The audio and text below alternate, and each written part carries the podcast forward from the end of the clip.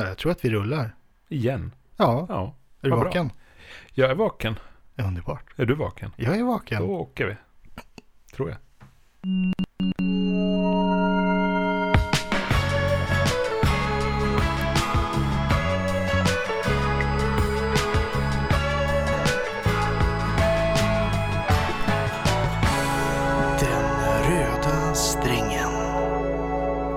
Hej Mats! Hej Oskar.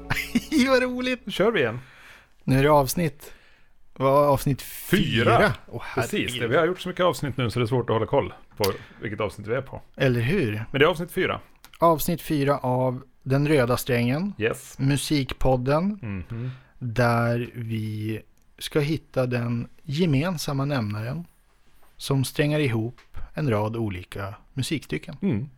Och hittills har det bara varit sex musikstycken i alla strängar. Ja, jag tror att vi kommer att byta ur det formatet. Det känns som att vi grundlade rätt Jag omgående. Det funkar rätt Och jag, bra. jag är ganska bekväm med sex. Ja, Fem kändes lite snålt.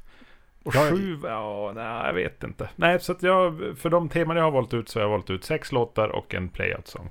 jag tror redan att jag vet att det här avsnittet kommer att heta Mats är bekväm med sex. Absolut. Bekvämt sex med Mats. det är en annan podd. Den finns på ett annat ställe. Ja, men precis. Mm. Jaha, Jag, är, jag är så spänd. Jag vill bara ge mig ut på resan. Du Idag är det du som har listan. yes. Jag, åh, Ja, men vi kan börja direkt om du vill. ja, ville du göra någonting annat? Nej, men man vet aldrig. Nej, men vi kör. Ja. Låt nummer ett.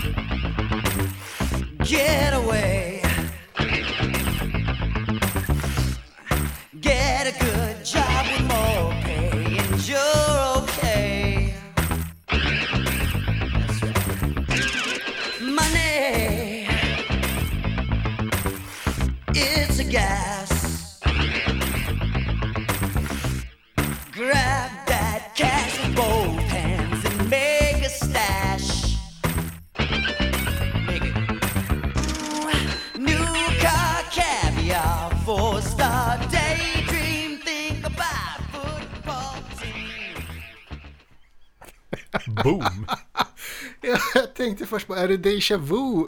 Men nej, det är någonting som inte stämmer här. Oh, nej, det...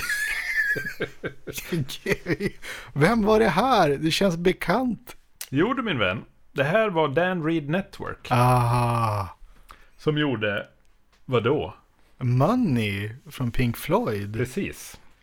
Kommer du ihåg att du eh, tipsade mig? Jag hade ingen koll på Dan Reed. Eh, och till någon av mina Sweden Rock Festival-resor så var det första du sa "Hå! Dan Reed ska spela. Du måste gå och se Dan Reed.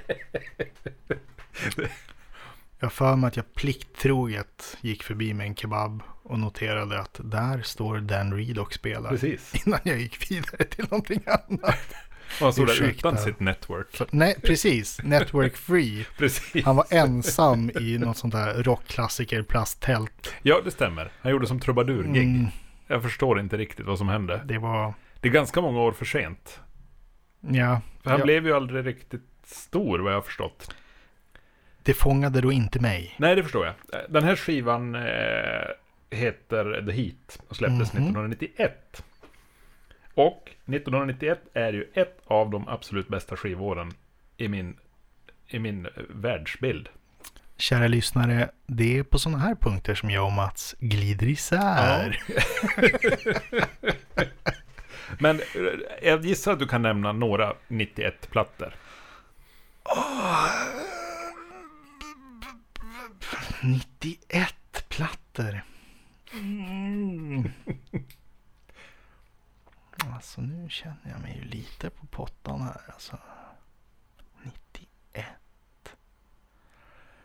Uh, ja du. Släpptes Metallicas platt, svarta platta. Ja, det gjorde den. Absolut. Men till exempel Nirvana, Nevermind. Ja just det. Det Pearl sant. Jam, 10.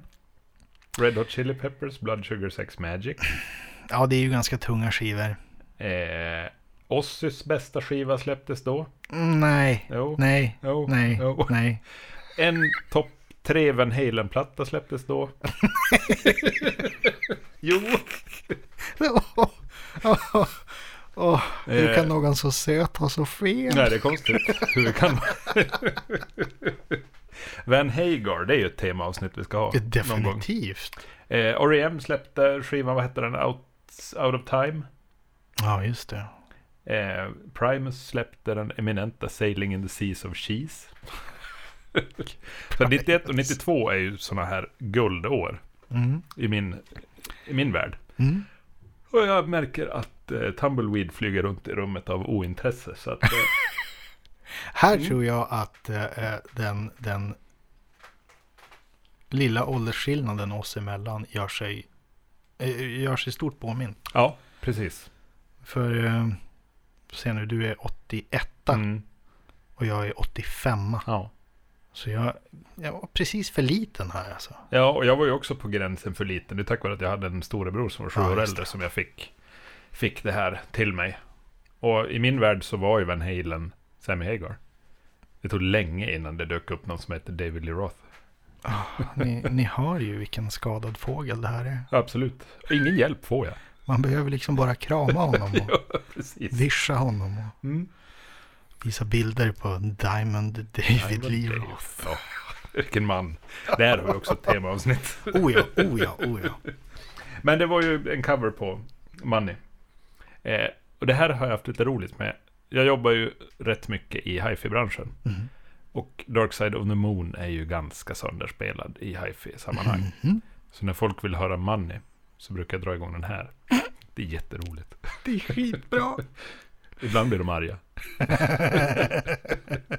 Oftast blir de arga. Har du någon gång lyckats? Aldrig. någon gång har jag kört, kört någon sån här demo på, på mässa eller i affär i butik. Där jag har kört bara covers. Och då har jag kört originalet och covern. Och så har vi pratat nördigt kring det. Då har den väl kunnat slinka igenom bara för att det är en cover på Money. Men eh, nej, den är svår. Och jag, jag råder dig att lyssna på The Heat av Dan Reed Network. Does he bring the He heat? brings the heat med Axel Waddar och allt. Oh. Så eh, jag känner att det var en stark start. Ja, absolut. Mm. Vill du ha mer? Är det en bring it back på Axel Waddar? Ja, det tycker jag. Så är det. Vi får se. Vill du ha mer? Ja, det vill jag verkligen. Ja. Då, eh, då skyndar vi vidare. Mhm. Sträng 2.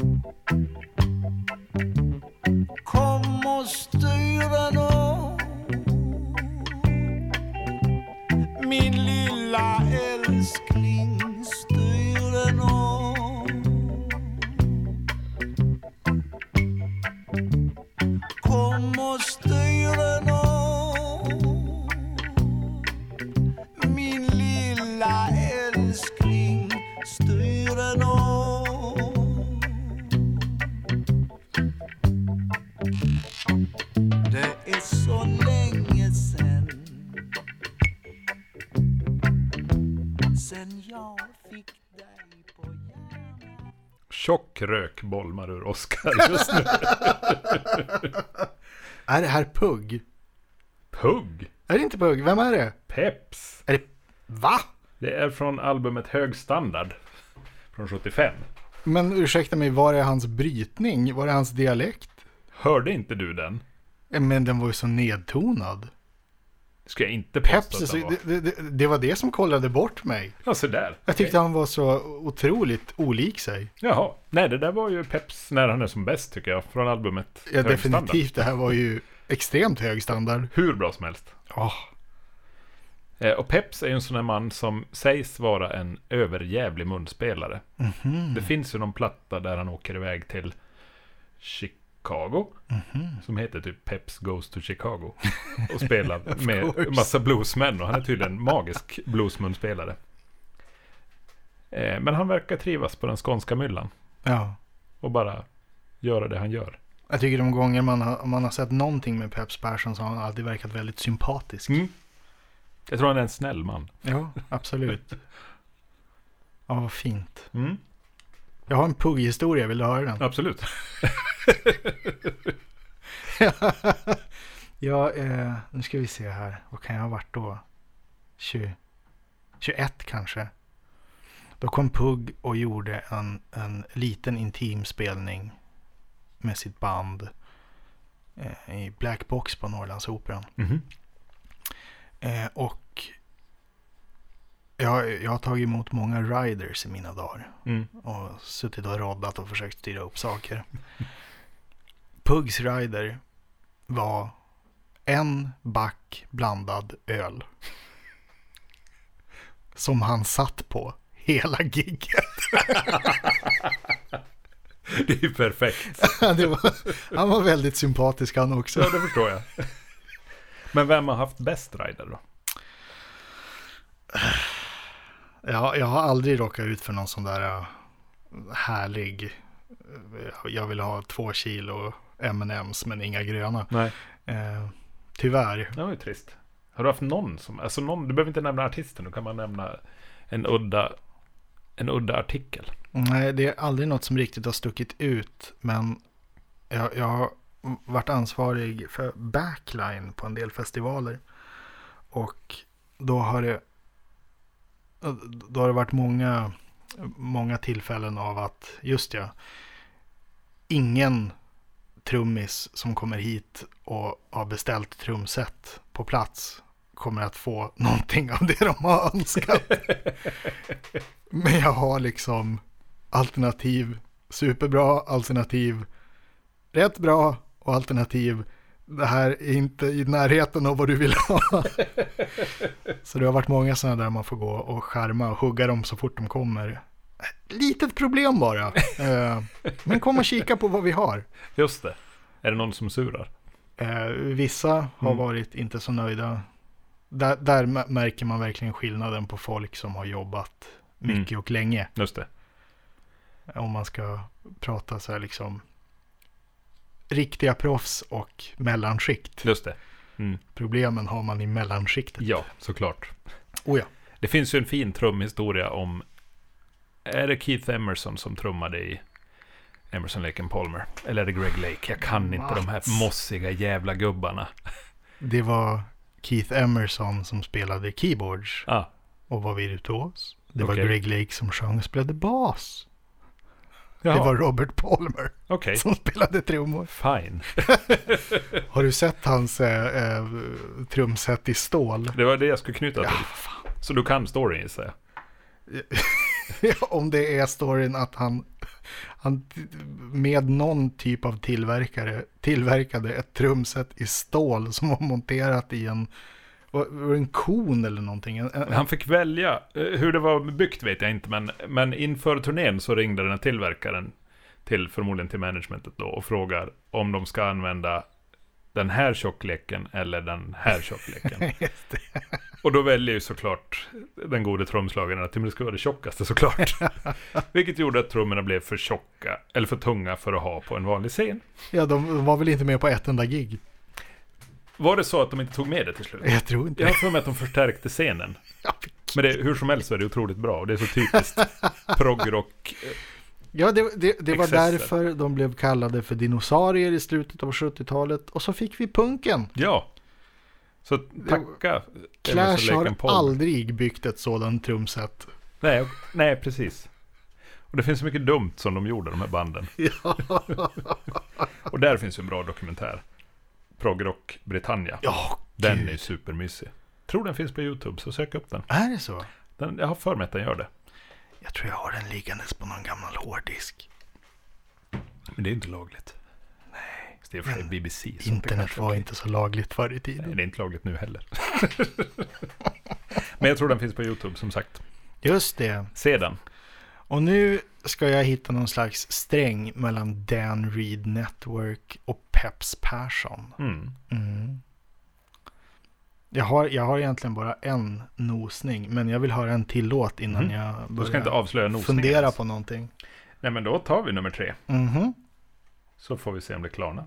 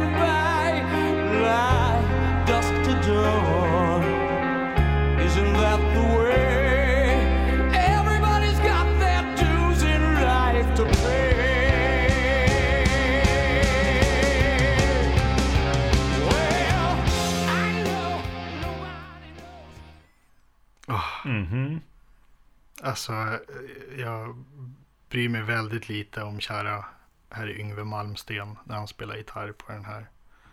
Men, åh, vad jag, vad jag blir sentimental av att höra Ronny James Dio sjunga. Ja, men jag tycker ju Yngwie Malmsteen sköter sig bra här. Ja, men, men Han är ju bra när han får en kontext. Jag, jag älskar Yngwie. Ja, men jag älskar också Yngve, men, men jag älskar Yngve på liksom Marching Out och Odyssey.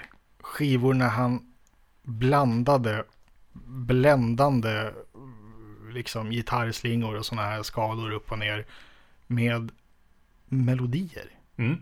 Och hitskrivande, Ja, absolut. han kunde ju skriva hits. Han kunde det en gång i tiden. Gisses liksom. Där Mm. fan, det, det finns ju jätte, jättebra låtar. Ja, det gör det. Och sen så blev det liksom bara fokus på jag är en gitarrhjälte. Mm. Och då blev det väldigt tråkigt. Jo.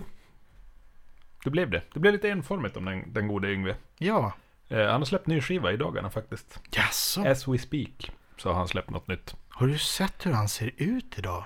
Han är ju snygg. Men det har väl... Han måste ju ha liksom gått under the blade. Ja, det måste han helt klart. Med tanke på hur han såg ut för sådär tio år sedan. Då Sist, ju... sist jag såg honom på någon festival så var det... Han, gick ner i en sån här heroisk gitarrpås på knä och lutade sig bakåt. Och tog sig upp igen. Ja, till slut. Men jag tror han var tvungen att hjälpa till med händerna. Ja. Men jag vet att de första raderna där hade ju lite defensivt upp händerna ifall br- brallorna skulle bara pang. Här kommer en Yngwie Pung flygandes. Den spandexen fick jobba. Den var nog förstärkt. Det kanske var samma, samma killar som byggde trumsetet till Greg eh, Palmer. Robert Palmer. Ja, just det. Jag tänkte mer att det var de som byggde dräkterna till Apollo. Ah, nu ska vi inte klanka ner på, på Yngwie Malmsteen. Nej, det ska vi inte göra. Han har gjort jättemycket jättebra saker. Men Dio har gjort jättemycket mer jättebra saker. Jag, jag blev faktiskt riktigt ledsen när han Ja, men det var trist. Också en sån här eh, rock good guy. Ja, Jag skulle bli besviken om han visade sig vara världens metoo-svin. Men det tror jag inte. Nej, det är inte möjligt. Jag, jag får intrycket av att han bara har varit eh, svinig och divig när, när han har känt sig förorättad. Mm. Och oftast när han har känt sig förorättad med rätt. Förmodligen ja. Men, men han verkar ju aldrig ha varit särskilt långsint för, jag menar, turerna in och ut ur Black Sabbath, där jag verkligen har, har blivit kompis med honom. Mm. Eh, där har han ju lämnat bittert vid åtminstone två tillfällen och ändå återförenats med dem. Det, har, det är väl tre perioder med Dio va? Precis, varav han dog från den sista. Han var med Mm. in i det sista ja. Ja. Men, Han hade ont i magen i två turnéer oj då, och det visar sig vara magcancer. så där. Men han gick aldrig och kollade någonting och utförde varje gig och Ja. gjorde det med bravur. Jag såg Precis. honom två gånger. Mm. det var så sjukt bra. Ja, denna lilla man. Ja, med den stora rösten. Men varför slutade han första gången? I Black Sabbath. Ja, Eh, de, efter den andra skivan Mob Rules så skulle Black Sabbath göra sin första riktiga live-skiva. Mhm. Live Evil. just det. Baklänges, framlänges. Ja, Ola Salo. Ja. Naturutan. Race Car.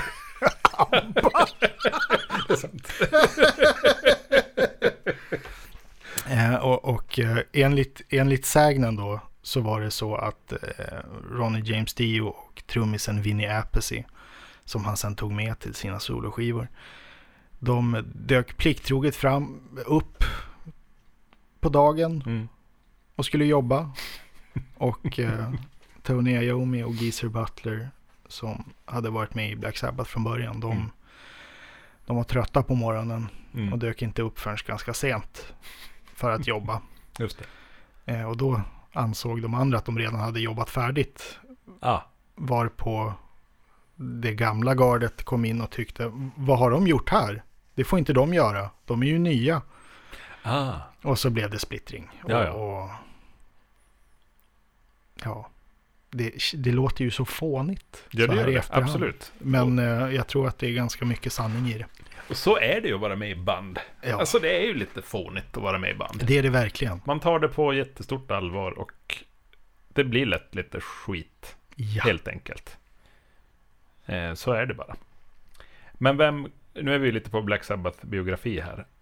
Efter Dio Efter Dio, kommer... första gången, så kom Ian Gillan.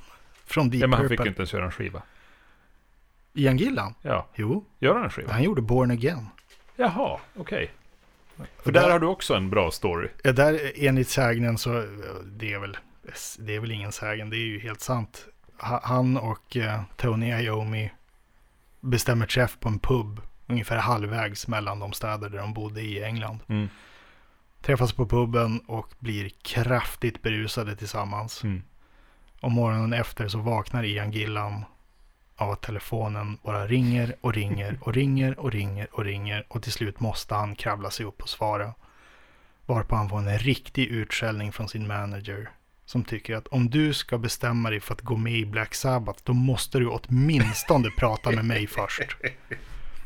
Kontraktet är skrivet på en servett. Det är magiskt roligt. Ja, herregud. Och en riktig kalkonturné. Ja. Därifrån kommer ju här Spinal Tap-scenen Ja, Stonehenge. med, med Stonehenge. ja. Just det. För eh, själva symboliken för Born Again-skivan med Black Sabbath var att de hade en instrumental som hette Stonehenge. Just det.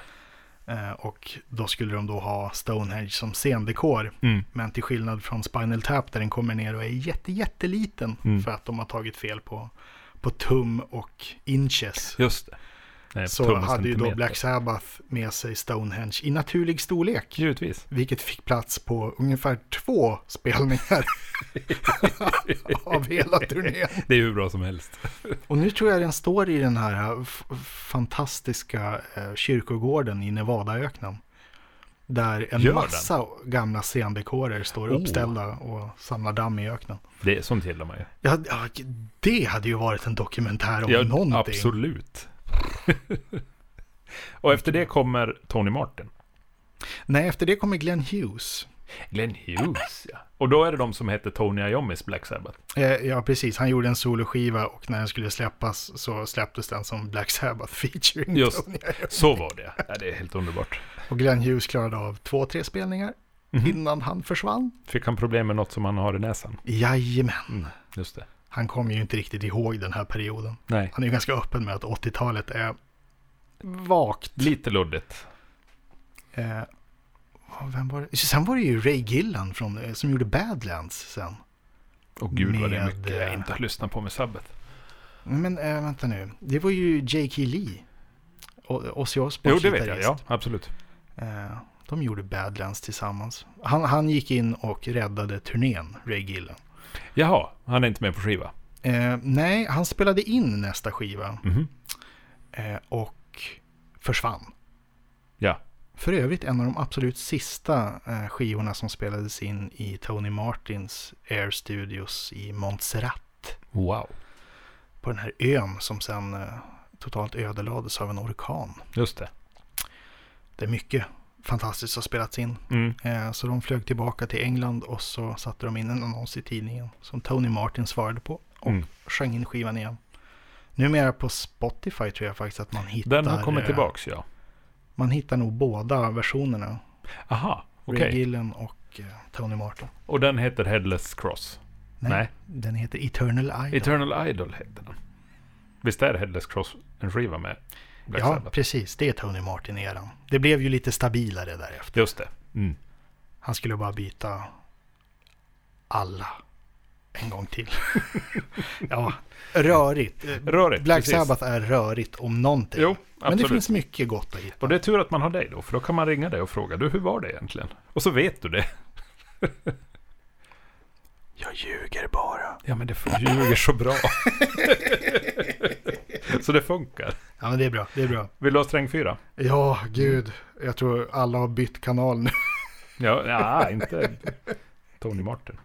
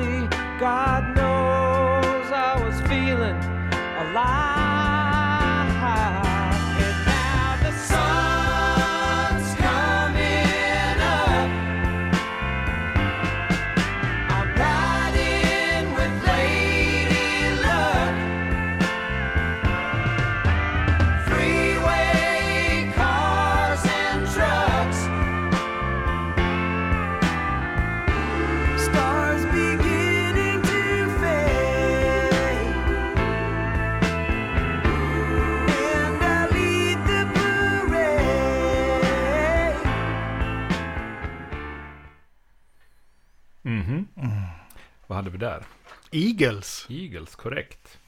Inte The Eagles. Exakt, viktigt. Mycket viktigt. Var det Don Henleys vackra stämma? Eh, Ja, han som kom in där på slutet var det Don Henley. Ja, Men verserna är Glenn Frey. just det. Må han vila i frid. Mm. Eh, från On the Border 1975. Jag tror det är Joe Walshs första skiva med Eagles. Är det så?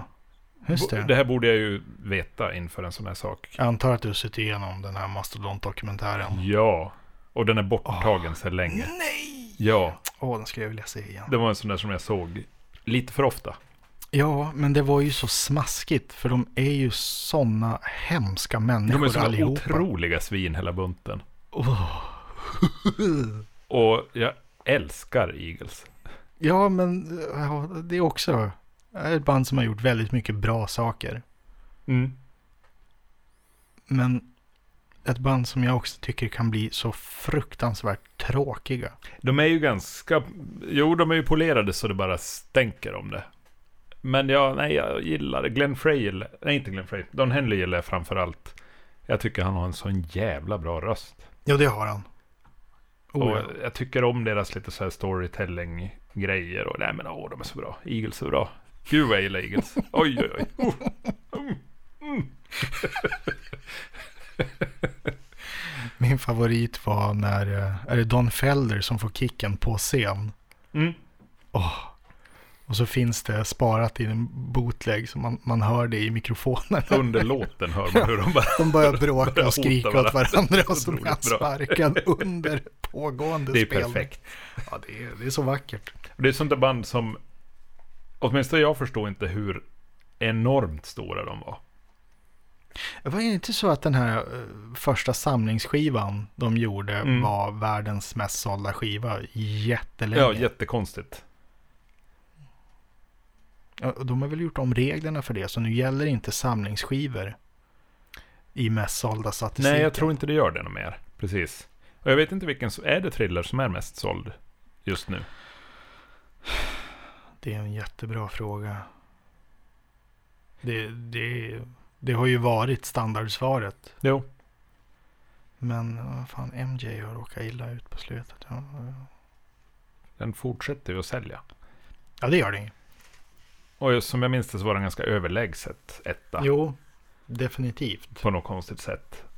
Men att Eagles var sto- så stora. De var ju inte så stora i Europa. Nej, Det är det som är det konstiga. Man kan se en massa konstiga countryartister som är helt gigantiska.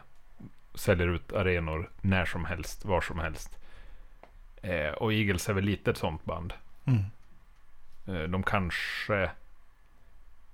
När de var i Sverige sist så spelade de i Sundsvall. What? Jo, Det är ju helt för galet. några år sedan. Ja, det är ju säkert tio år sedan nu. Men det är så underligt. Live in Sundsvall, Eagles. Jag, men, jag, jag, jag tror inte Don Henley var så nöjd just då. Nej, han kan ju inte ha varit det. Jag såg honom solo. För, menar, han släppte den senaste soloplattan. Mm. Och han levererade. Han är ju verkligen, han är ju inte, han är ju inte David Lee Roth om vi säger så, på Nej. scen. Det är inte så mycket one-liners. Och det är inte så mycket split-hopp heller. Just det. Men han levererar, han sjunger bra och han bjuder på gamla Eagles-låtar och han bjuder på nytt. Och han, ja men det är bara bra. Han gör jobbet. Han gör jobbet, definitivt. Och han gör inte mer än Nej. vad han behöver. Men han lever rätt bra på rösten, tänker jag. Ja, Och en hyfsad låtskatt. hyfsad. Den, den funkar. Och de gjorde väl så himla mycket jobb åt andra artister också. Mm. Mm. Visst känner du till Toto-låten Lia? Lia? Mm. Nej, berätta. Inte på rak arm. Ska jag spela en? Jag spela en kort Ja, det tycker jag verkligen. av den. Det kanske är fel Toto för dig. Det här är ju 80-tals Toto. That's not my Toto. Nej, precis. Du du är svår på det sättet.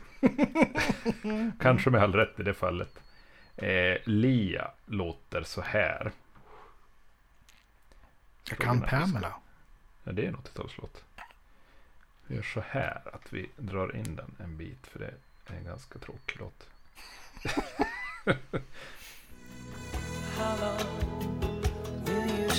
Från skivan Fahrenheit.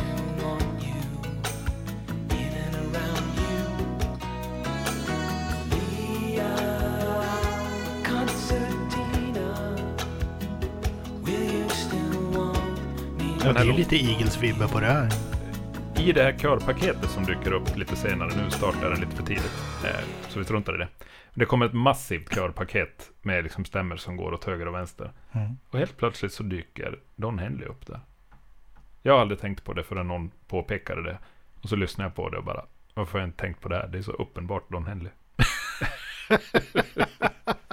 det kan ju ha varit så att de spelade in i studion bredvid eller något sånt där. Ja, mest troligt. Och jag tror att några av Toto-gubbarna var med på Henleys soloskivor. Säkert. Så att det finns nog en, det finns en koppling. Eh, Miles Davis är även med på den skivan. Oj. I instrumentallåten Don't Stop Now. Nej, heter den så? Don't Stop Believing. Stop Har du sett det här world. fantastiska eh, intern-memot på, jag kommer inte ihåg om det är RCA, skivbolaget. Eh, det är skickat från, från någon, eh, någon lite lägre rankad medarbetare till eh, bossen på RCA. Där det bara står Miles vill kalla nya skivan för Bitches Brew. Please advise.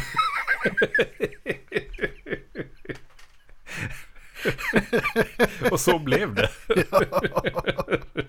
Vackert. Ja, det är snyggt. Mycket vackert. Kan man söka upp på nätet och hitta. Titta på, fundera en stund, ta en kopp kaffe. Ja, och så kan man lyssna på Bitches Brew. Mhm. Och den är inte så dum. Det är lite fusion. Fusion-era Miles. Det är inte alls så dumt. Nej, jag köper det. Det är ganska intensivt och ganska mycket. Det är det. Jag, jag har haft en period, ja, det är lite över nu, men jag kanske vill återuppta det. Mm. Eh, jag sökte upp eh, på, på YouTube jazzfestivaler Mm. eh, i Europa Mm. på 70 och 80-talen. Just det. Där det ligger uppe jättemycket superbra kvalitet. Mm. För det är SVT och NRK, YLE och sådana här som har gjort toppenupptagningar. Så har det sänds en gång och sen ligger det i arkiv. Och nu har ju folk börjat slänga upp det här. Precis. Eh, och det är ju oftast så bra och jätteroligt att sitta och titta på med ungar. Mm. Ja, det förstår jag. Vi såg någon riktigt svettig eh, James Brown-spelning från Montreux Mm. 82. Uff, det är inte den bästa eran. Nej, men han, han var fortfarande riv. Men han var svettig. Och han gjorde också jobbet, Ja, ja. får man säga. Och lite extra. Gjorde han det på 82 verkligen? Jajamän. Jaså, Jajamän. okej. Ja. Han bossade. Det känns som att han gjorde väldigt mycket extra på 60-talet, men sen Mm, extra kurvan avtog lite grann. förvisso. Eh, förvisso. men absolut, jag, jag ska titta på det. Ja, spännande. Mm. Ja, Nu är vi ju fyra låtar in. mm, Har du någon ja, jag, jag har ju märkt en gemensam nämnare. Mhm. Alla låtar. Än så länge. Ja. Så har det ju inte varit själva artisten vi har som står bakom verket från början. Nej, det är korrekt. Det är covers. Det är covers. Och det är ju såklart inte strängen. Bajs. För det här är ingen lekstuga. Nej. Och det är inte alla covers av Pink Floyd heller. Mm. Nej. Det var ett roligt ljud. Ja. Helt gratis får ni allt det här av oss. Är det en groda? Eller är det Oscar? Det är en frustrerad och arg Oscar. Ja, vill Oscar ha nummer fem då? Ja. Tänk om nummer fem inte är en cover.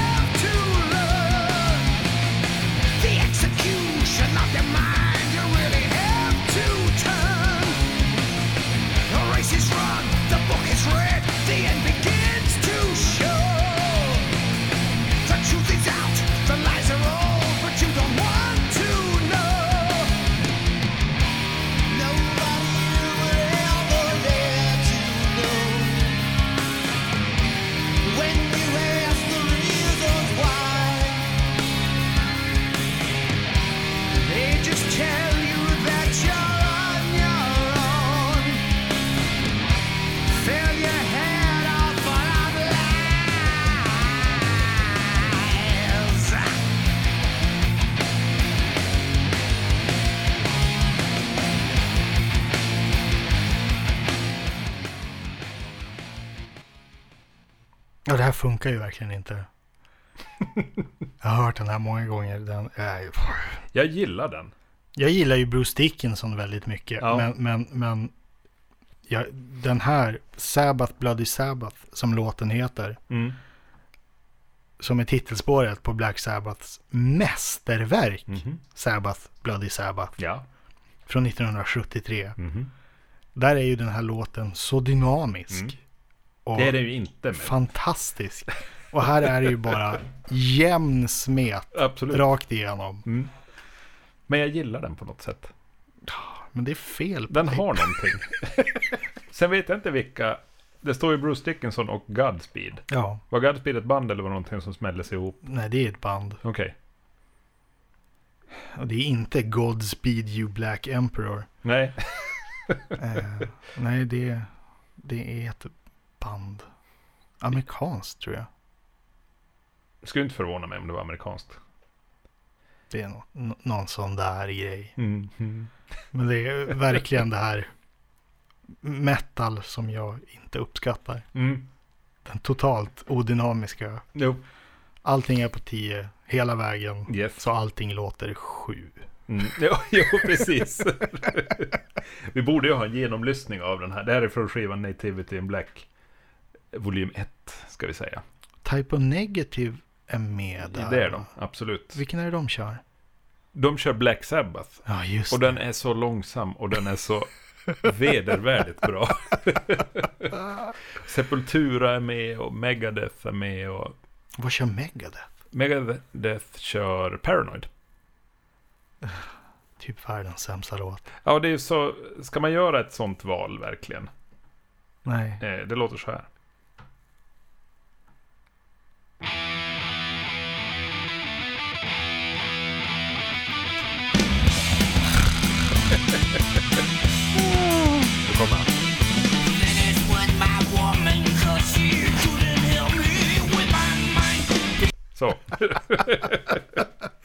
Men väldigt eh, eh, nertonad produktion för att vara Megadeth. Ja, den är, väldigt, den är nästan tunn till och med. Så att eh, där har de ju gjort någonting Ja. åtminstone. Men den, den är ju, om du, om du har problem med att saker är liksom flatline så kommer du inte att känna att oj, här var det dynamiskt. jag, kommer, jag köpte den skivan när den kom. Mhm. Och Jag köpte mycket, det, det var en period när det kom sådana här tribute-album. Mhm. Och skivaffären i Haparanda som heter J-musik. Skivaffären i Haparanda. Nej men visst, vi föraktar landsbygden. Eh,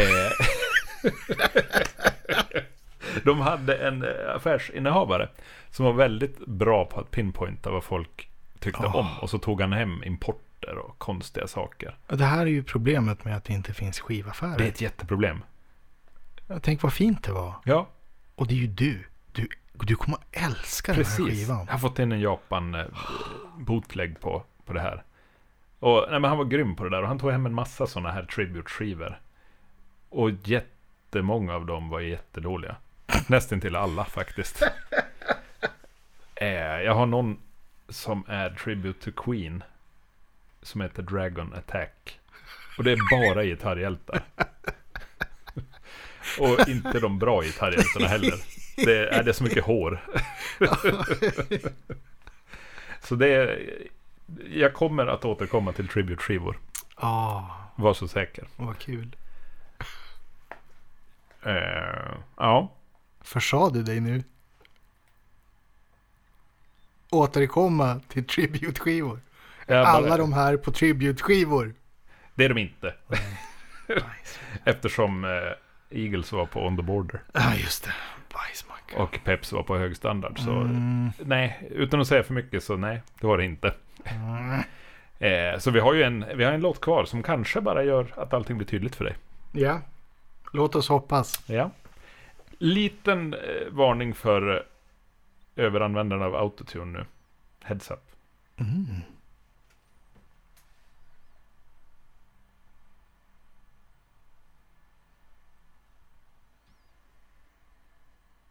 Precis, spelar inte alls.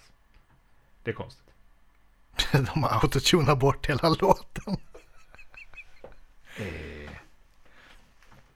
Då kan jag ju förklara för alla kära lyssnare som undrar vad en autotune är för Det någonting. kan du göra. Det är ju en sån här, ett fantastiskt eh, digitalt hjälpmedel som... Oh, nu händer det grejer. Mm. Som gör att när du sjunger falskt så trycker den upp tonen till rätt plats. Mm. Eller ner till rätt plats. Det är en stämapparat i realtid. Ja, och det här kan vara helt förödande Mm. för musiker som använder sig av detta redskap i live-sammanhang. Eh, eller direkt i lurarna när de sjunger i en studio. Ja, gud vad hemskt. För, eh, åh gud, ja, nu ska jag inte nämna namn. Nej. En känd svensk sångerska dök förbi på ett gig Mm. där jag jobbade och skulle sjunga. Och var inte i sitt vanliga turnésammanhang. Det var ett gästinhopp Mhm. och det fanns ingen autotuner förberedd för henne. Och hon hittade inte rätt ton. Och det här är en, en jätteduktig sångerska. Som helt enkelt hade pajat sin, sin, sitt röstminne, bröstminne Oj. på vart tonerna ligger. Hon var så van vid att använda autotuner. Åh, oh, vad hemskt. Ja, Så där. jag skulle misstänka att det här åtgärdades relativt fort. Men Ja. det var ju en ögonöppnare Ja, att se det verkligen. ske. Gud vad hemskt. Hur farligt det kan vara. Precis. Nu kör vi. Ja,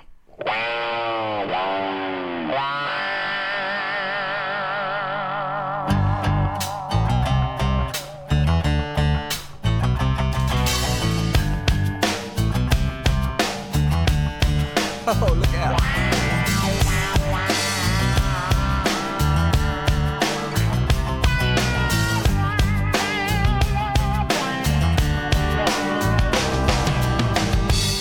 Some people call me the space cowboy. Some call me the gangster of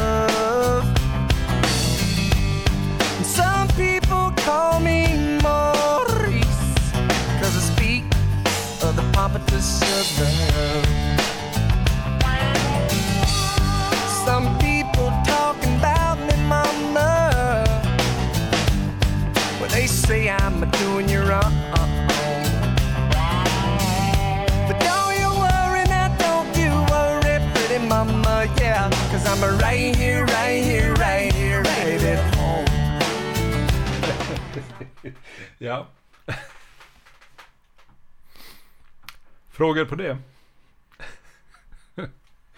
gud vad dåligt. Ah. Känns som någon har tagit ett, ett vackert konstverk i, i liksom glas från Orrefors och gjort en plastkopia som Mm. de säljer på Konsum för Ja. 8,95. Det där, jag ser, det var Tim McGraw det där. Ja, Jag vill inte säga något om Tim McGraw. Vad har han gjort? Dawson's Creek-motivet. Ja, han har gjort en cover på The Joker. jag ville bara ha en cover på The Joker och den dök upp. Jag kunde inte motstå hans otroliga röstproduktion. Det här var sista låten. Det var det. Mm. Mm. Nu måste jag börja resonera och Mm. jag, jag sitter och kvider här. Det är covers allihop. Ja, det är det. Är det något sånt här att det är samma chord progression i alla låtar? Ett, fem, fyra, whatever. Tillbaka till ett. Nej, det tror jag inte det är. Nej. Ugh. I'm grasping at straws here man. Men vad har du då? Du har Pink Floyd. Pink Floyd och sen var det eh, Bob Marley and the Wailers va? Mm. Eh, och vad var tredje? Det var, Dream On. det var Dream On, det var ju Aerosmith. Vad finns det för koppling dem emellan? Och sen då? Ja, var, sen var vi Eagles. Nej, Jo, men vad coverade de? Tom Waits.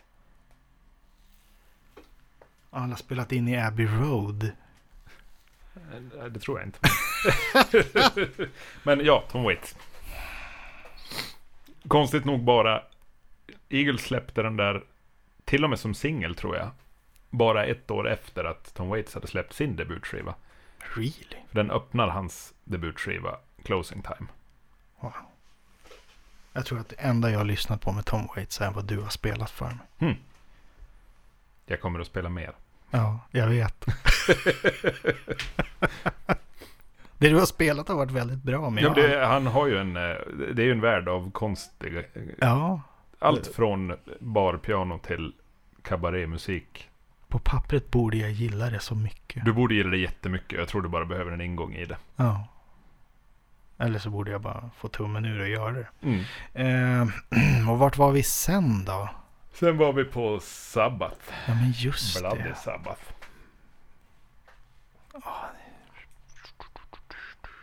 Och så avslutar vi ju starkt då med Tim McGraw.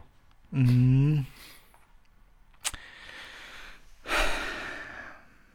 Medan du funderar. Mm. Eh, Steve Miller Band. The Joker alltså. Ja, Om jag säger Abracadabra, vad säger du? det är ju deras bästa låt. Kung, vad skönt. Det är därför jag gör podd med dig, Oskar. Vi är överens om de viktiga sakerna. Ja, Core values, man. jag har inga problem att stå och koka pasta och sjunga på Abracadabra hemma. Helt rätt. Helt rätt. Barn behöver fostrats i rätt miljö. Ja, så är det absolut. Ja, men hur tusan ska man stränga ihop de här artisterna? Jag vet att Aerosmith låg på Columbia. Kan Sabbath också ha legat på Columbia i USA? Nej, de var Atlantic. Det var Airtgun som tog dit dem. Den ökände skivbolagsbossen. Uh. Det här var svårt Mats. Mm. Jag ser inte strängen. Kan jag få en ledtråd? Mm, vad skulle ledtråden kunna vara? Tala i mikrofonen Ja, människa. precis. Det är ju steget. Vad skulle ledtråden kunna vara här? Oh. Alla är dåliga covers. Du kan ju inte säga att Peps version är dålig. Nej, det, nej, där sköt jag mig själv i foten. Den, var, den, var, den är fin. Eh, jag ska, du kan underhålla massorna så ska, jag, Mhm. ska jag googla lite ledtråd. Googla ledtråd. ah. Här har ni det svart på vitt. Kära, kära publik. Här har jag suttit och kämpat genom spaltmeter efter spaltmeter med information inför kvällens soaré. Mm. Och Mats Du har gjort ett mycket bra jobb har tycker jag. bara Med. smält ihop en lista av covers. Precis. Och kan inte ens ge en ledtråd. Eh, du ska få en ledtråd. Du ska få den i form av i, i ljudform. Åh, vad bra! Eh, Eller kanske inte. Jag vet inte. då måste vi ta... Det är sådär måste vi göra då.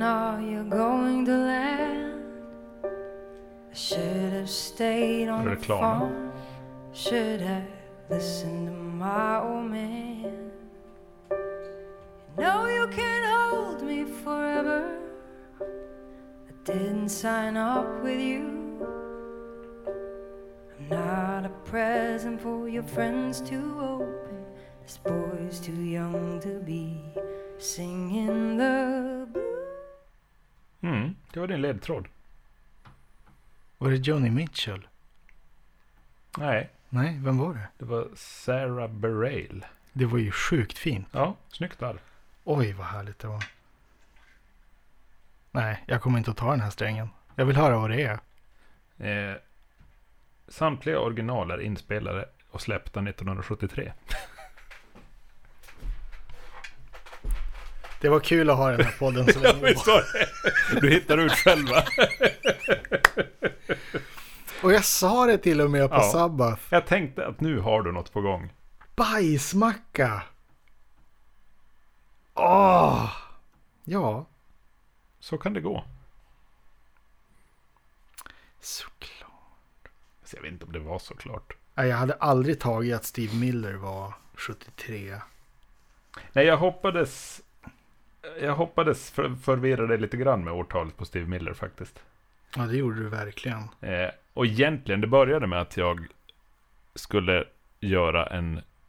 låtar, låtar som fyller 50 år.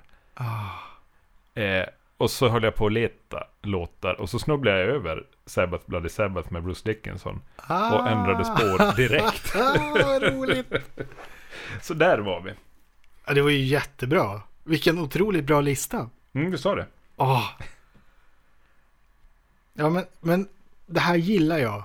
Jag tycker det är så roligt att vi har lagt det på en nivå där det inte är lätt. Ja, det ska ju aldrig vara uppenbart. Det är ju superkul. Det här ska ju vara som, som kulturfrågan kontrapunkt.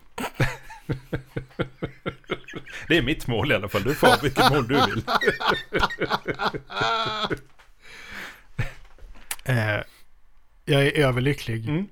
Det här var ju så bra. Och jag vi- tittar, på, jag tittar på klockan och vi ligger precis rätt i tid Vad bra. för att spela ut det här Ja. avsnittet. Då kommer jag att spela ut med en annan låt från en skiva som släpptes 1973. Vilken, vilken himla ynnest. Mm. Och eh, tack till alla som har lyssnat. Ja, tack Hoppas till vi dig får- Oskar. Ses igen Det gör ute vi. i etern. Precis. God afton.